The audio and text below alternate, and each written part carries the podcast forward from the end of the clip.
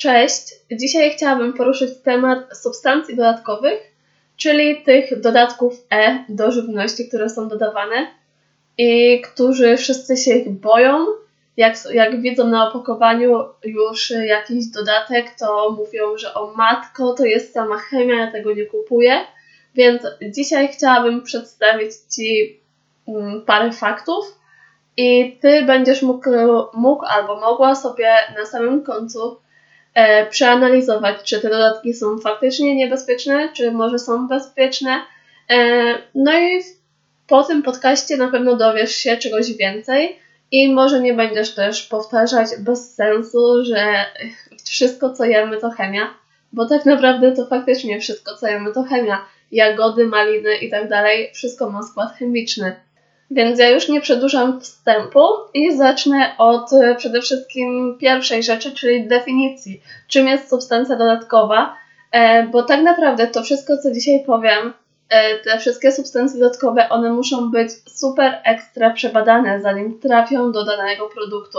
Więc to nie jest tak, że producent sobie bierze dany dodatek i dokłada ile się mu chce, ile tam y, potrzebuje i w ogóle tylko on to wszystko musi przebadać, to raz, a dwa, musi stosować się do danych zasad.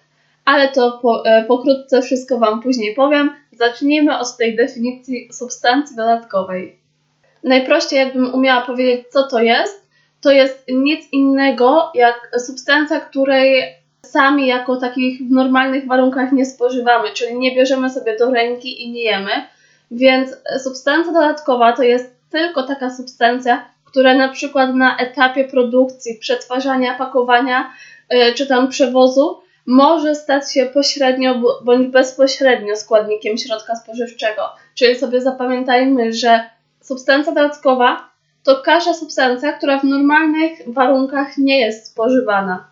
I te substancje oznaczamy literą E. Na pewno gdzieś tam na opakowaniu znalazłaś numer E300 czy E100 i tak dalej.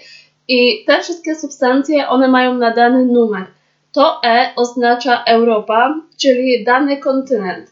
Więc Europa tak naprawdę każdy, każdy kraj, który znajduje się w Europie, ma te same dodatki dopuszczone do żywności, natomiast już na innym kontynencie mogą być inne dodatki. Mogą być te dodatki, które u nas nie są dopuszczone, może być ich więcej, może być ich mniej.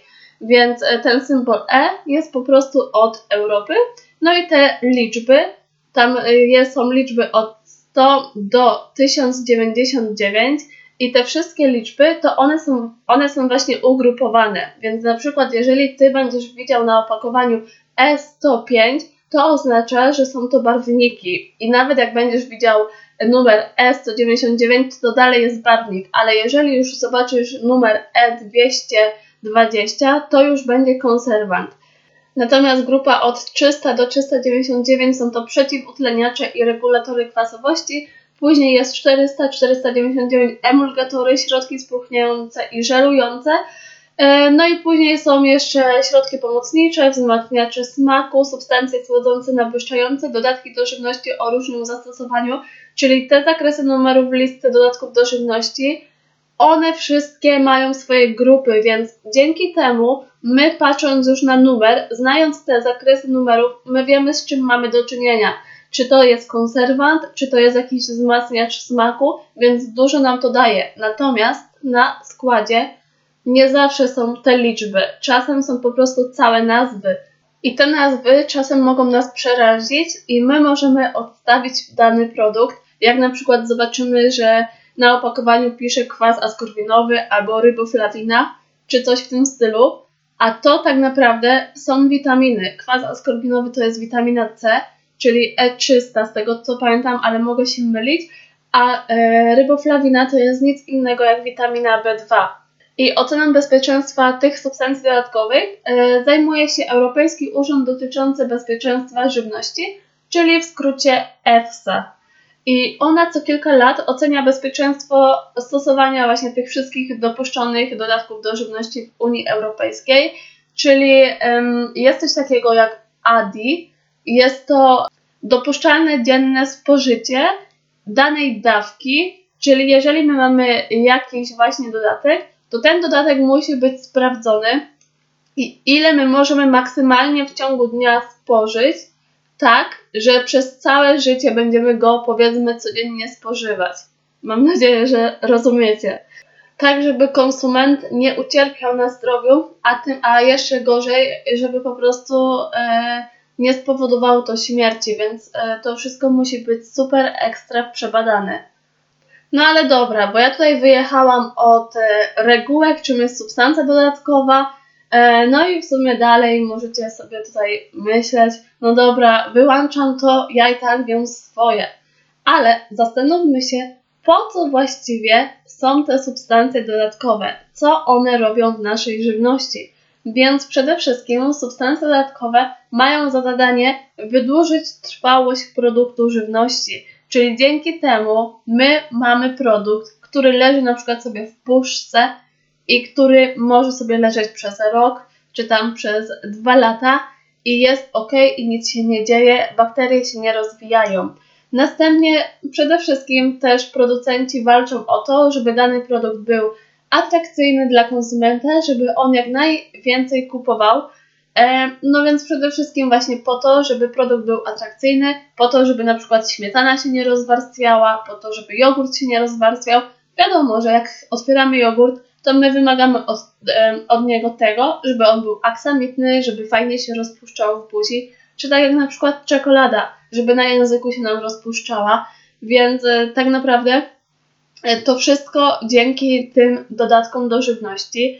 Czy tak samo jak na przykład właśnie E, no trochę to jest powiązane, ale zapobieganie zmianom jakości, czyli to, żeby na przykład dany, e, dany produkt nie stracił swojej barwy, to dodaje się jakiś barwnik. Barwniki są i naturalne, i sztuczne, e, ale to może później, albo nie wiem, czy się będę na ten temat rozwijać.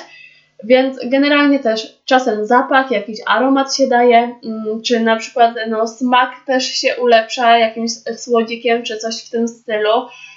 No i przede wszystkim dla producentów to, to, to też, też jest mega wygoda z racji tego, że e, wiadomo, że wtedy wzrasta efektywność produkcji. No, można wtedy sobie produkować więcej. No bo wyobraź sobie, że idziesz do sklepu i są tam tylko produkty, które nie są przetworzone, czyli automatycznie, jeżeli byłaby możliwa do, do kupienia szynka, no to ta szynka mogłaby być w sklepie może ewentualnie dwa dni, no bo by się zepsuła, bakterie by się namnożyły i tak dalej. Więc musimy też trochę spojrzeć na te dodatki od innej strony, nie tylko od tej negatywnej, że one nas zabijają, że one są rakotwórcze, bo dodatki do żywności nie są rakotwórcze. Mogą przyczynić się do raka, do jakiejś choroby, ale nie są rakotwórcze. Ale to jeszcze później więcej o tym powiem. Na początku też wspominałam, że dany producent ma obowiązek stosowania się zasad. Więc, e, żeby dodatek do żywności był dopuszczony do, do obrotu, to przede wszystkim nie może stanowić zagrożenia dla zdrowia lub życia konsumenta. Musi być określony i uzasadniony cel stosowania substancji dodatkowej, czyli to nie jest tak, że producent sobie przyjdzie, powie, że on chce ten dodatek dodać do produktu, e, bo tak mu się podoba i tak zrobi, tylko on musi udowodnić, dlaczego jest taka konieczność e, tego dodatku do żywności.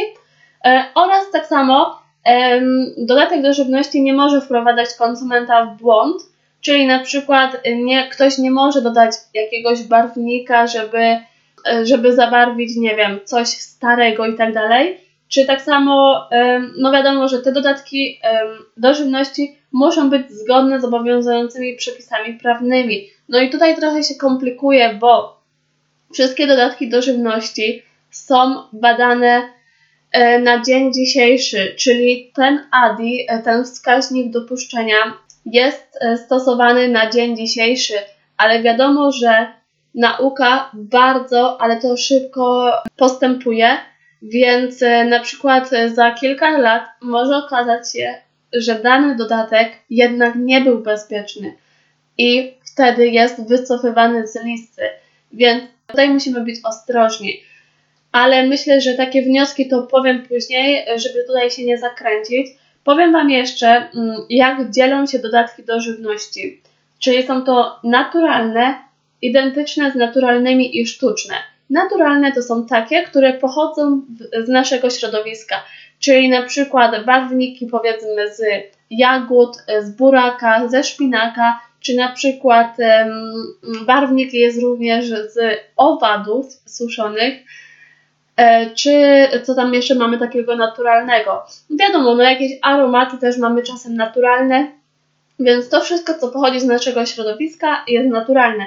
Identyczne z naturalnymi um, oznacza to nic innego, jak um, że te produkty pochodzą naturalnie, ale nie są już e, produkowane naturalnie, czyli że one są po prostu produkowane e, chemicznie, syntetycznie, a, a sztuczne, no to wiadomo, że sztuczne, czyli nie, e, nie występują w środowisku, tylko w laboratorium.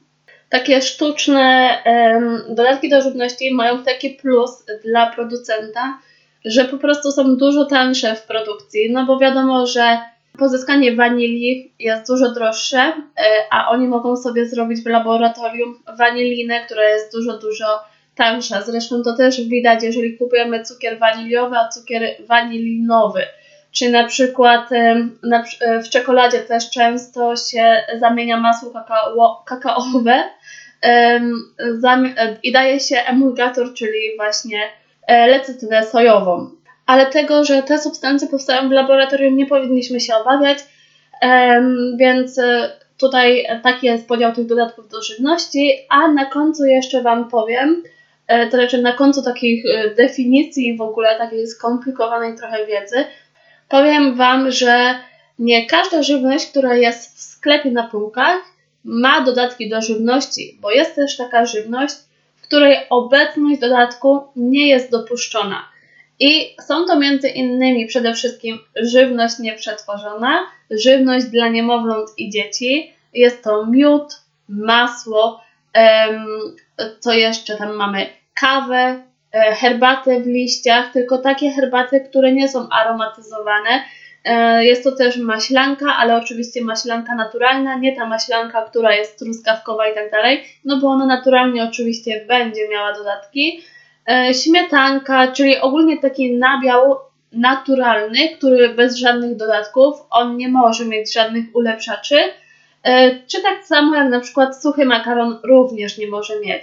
Więc jest parę takich e, żywności, które za nic w świecie nie mogą mieć, nie mogą mieć tych dodatków do żywności. Powiem tak, no, prawo prawem, bezpieczeństwo bezpieczeństwem, my dalej musimy czytać składy i musimy uważać, bo to, że w jednym produkcie będzie jeden dodatek do żywności i my go weźmiemy, to jest jeszcze ok, ale jeżeli nasza dieta wygląda tak, że my przez cały dzień jemy na przykład jakieś szynki, e, później na obiad jemy gotowy obiad, później jemy jakieś lody i tak dalej, to automatycznie te dodatki do żywności się kumulują. I było badanie, e, gdzie ustalono, że osoba, która odżywiała się, um, pokrótce Wam powiem w sumie, co ona jadła. Jadła pięć posiłków, na śniadanie była to kajzerka, margaryna, ser topiony, parówka i napój smakowy. Na drugie śniadanie był to jogurt kremowy z morelami. Na obiad plus deser był to obiad przygotowany we własnym zakresie plus gotowa surowka, biszkopty z galaretką. E, na podwieczorek była to drożdżówka, a na kolację było to chleb, margaryna, polędwica i sałatka warzywna. Niestety, bardzo dużo osób się tak żywi. I jak myślisz, ile ta osoba w ciągu dnia spożyła dodatków do żywności? Tutaj zostawię Ci chwilę przerwy po to, żebyś mógł sobie odpowiedzieć.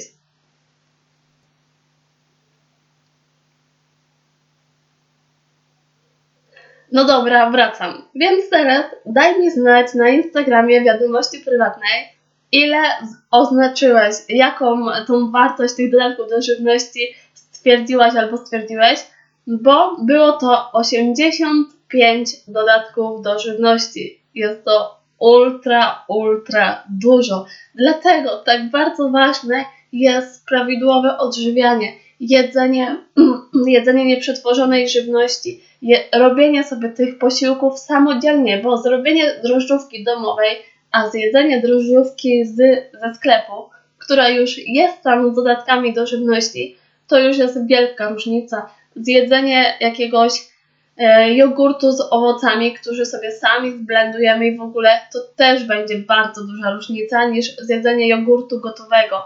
Powiem Ci też jeszcze e, ciekawostkę, że nie od dzisiaj są dodatki do żywności. Wiadomo, że dzisiaj mamy tych dodatków do żywności bardzo dużo, z racji tego, że populacji jest coraz więcej, technologia jest wyższa, e, no i to wszystko e, się łączy ze sobą. Dlatego coraz więcej tego wszystkiego powstaje, coraz więcej produkują, produkują żywności. Zresztą widzicie, no coraz więcej żywności też się marnuje. Więc tak jak wspomniałam, nie od dzisiaj są to dodatki do żywności, bo Egipcjanie już w starożytności do peklowania mięs używali azotynu sodu, e, czy tak samo na przykład kwas octowy, czy mm, używali na przykład do barwienia kurkuminy, jest to barwnik naturalny, a na przykład nasze babcie do tego, żeby masło wyglądało lepiej, no to używały sok z martwi, czyli nic innego jak karoten, a mm, żeby uchronić mięso czy ryby, no to używali dużej ilości soli albo po prostu wędzono. No bo wiadomo, że jeżeli my dodamy dużą ilość soli czy dużą ilość cukru, no to wtedy tak już tych dodatków nie trzeba, bo to już jest takim naszym e, konserwantem. E, więc zobaczmy, że już tak bardzo, ale to bardzo dawno temu już stosowali jakieś e, zabiegi po to, żeby ta żywność żeby tą żywność można było przechowywać dalej. Też Wam powiem taką ciekawostkę, że ogólnie masło zawsze jest barwione kurkuminą z racji tego, że masło ma powiedzmy taką bezbarwną e, barwę, więc e, konsument e, no, nie byłby zadowolony widząc takie masło, dlatego producenci je barwią na właśnie taki żółty kolor. Ale to nie jest nic strasznego z racji tego, że jest to naturalny barwnik, barwnik, czyli właśnie kurkumina. I z ciekawostek to myślę, że też może Was zainteresować, że w ciągu roku świadomie albo nieświadomie taki przeciętny y, Polak spożywa 2 kg dodatków do żywności. Więc nawet osobom, którym wydaje się, że y, odżywiają się zdrowo, też te dodatki do żywności y, trafiają do tego przewodu pokarmowego. Jeżeli jesteś rodzicem, to też musisz uważać na to, żeby, mm, no, żeby Twoje dzieci nie jadły aż tak bardzo przetworzonej żywności, albo przynajmniej unikać tej żywności z barwnikami, z racji tego, że wiadomo, że ta żywność dla dzieci jest dużo częściej barwiona, no bo żeby były atrakcyjniejsze kolory niż żywność dla dorosłych, a producenci na opakowaniach, gdzie zastosowali barwnik, muszą, e, muszą napisać taką e, wiadomość, to znaczy, no wiadomo, e, na tym opakowaniu, e, że może to wywołać nadpobudliwość, e, czy tam coś jeszcze, ale nie pamiętam, nie powiem Wam teraz, ale generalnie zawsze musi być jakaś informacja odnośnie tego, że może to właśnie powodować do nadpobudliwości, do alergii. Mm, więc pod tym względem, moim zdaniem ogólnie, musimy uważać mimo wszystko, że to wszystko jest przebadane, to czytajmy te składy, bo to wszystko się kumuluje, więc nie możemy sobie pozwolić na to, żebyśmy e, przez cały dzień jedli przetworzoną żywność, bo później właśnie są bóle głowy, są jakieś alergie z niczego, e, a to wszystko też oddziałuje.